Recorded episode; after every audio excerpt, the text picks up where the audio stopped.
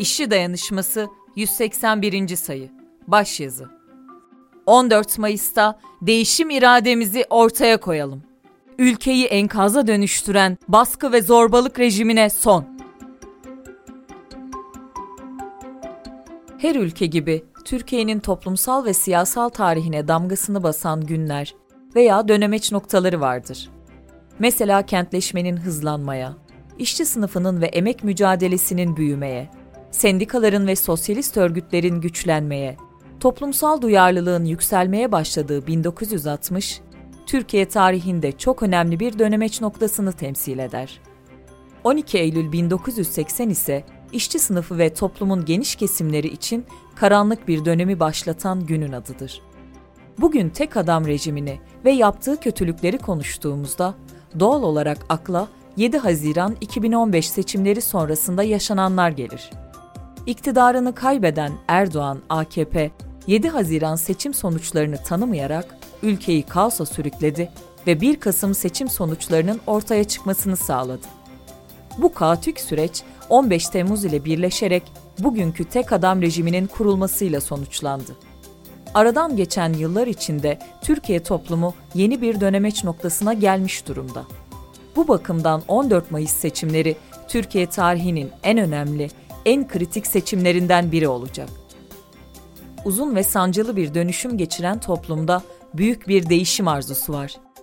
Muhalefet cephesinin düzenlediği mitinglerin hem kitlesel hem de coşkulu geçmesi, 1 Mayıs'ta Türkiye'nin dört bir tarafında meydanların dolup taşması, dipten gelen toplumsal değişim arzusunun göstergesidir. İşçi sınıfı son 7 yılda Türkiye tarihinde eşi benzeri görülmemiş bir yoksullaşma dalgası altında kaldı. Buna karşılık patronlar sınıfının, iktidar ve çevresindekilerin serveti akıl sınırlarını zorlayacak şekilde büyüdü. Bu yüzden emekçilerin ezici çoğunluğu bu yağmacı rejime öfkelidir. Ancak bu enkaz rejimine olan öfkenin tek sebebi korkunç yoksullaşma değil. Tek adam rejimi hak ve özgürlükleri bastırdı. Zaten son derece zayıf olan tüm demokratik mekanizmaları da yok etti. Toplumu yapay temellerde bölüp parçalamak için durmaksızın kin ve nefret kustu. Bir taraftan muhalif olan herkesi terörist ilan ederken, öte taraftan da binlerce insanı cezaevlerine atarak toplumu sindirmeye çalıştı.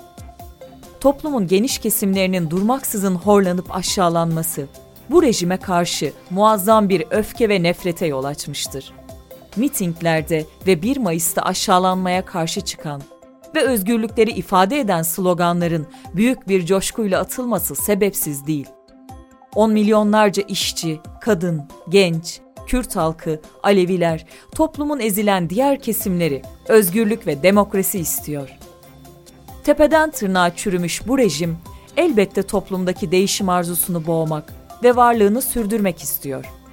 Elindeki devlet ve medya gücünü kullanarak psikolojik savaş yöntemlerini devreye sokarak güçlü olduğu ve gitmeyebileceği algısı yaratmaya çalışıyor.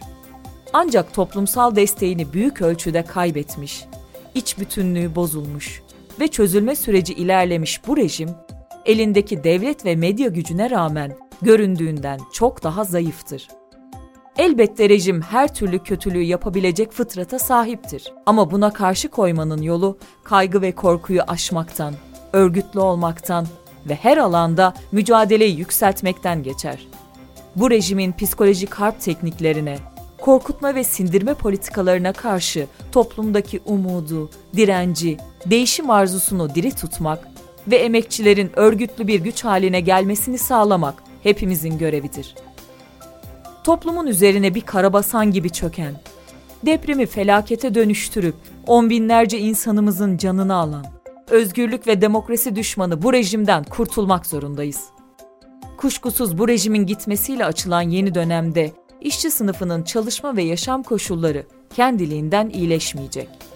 Çünkü bunun olabilmesi için işçi sınıfının sendikal ve siyasal sosyalist örgütlenmelerinin güçlenmesi gerekiyor. Bu rejimin gitmesi ve daha demokratik bir atmosferin oluşması, toplumdaki değişimin açığa çıkması, sendikal örgütlülüğün, kadın ve gençlikteki özgürlük arayışının daha fazla sosyalist hareketle buluşmasının önünü açabilir.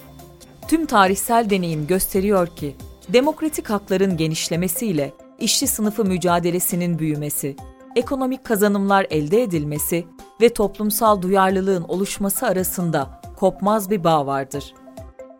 Bizim asıl hedefimiz insanlığa büyük acılar yaşatan kapitalist sömürü düzenini yıkma mücadelesini ulusal ve uluslararası alanda örgütlemektir. Emekçilerin demokratik hak ve özgürlüklerine sahip çıkması, değişim isteyen gençlerin ve emekçi kadınların örgütlenmesi, işçi sınıfının siyasal ve sendikal örgütlerinin güçlenmesi bu mücadelenin bir parçasıdır.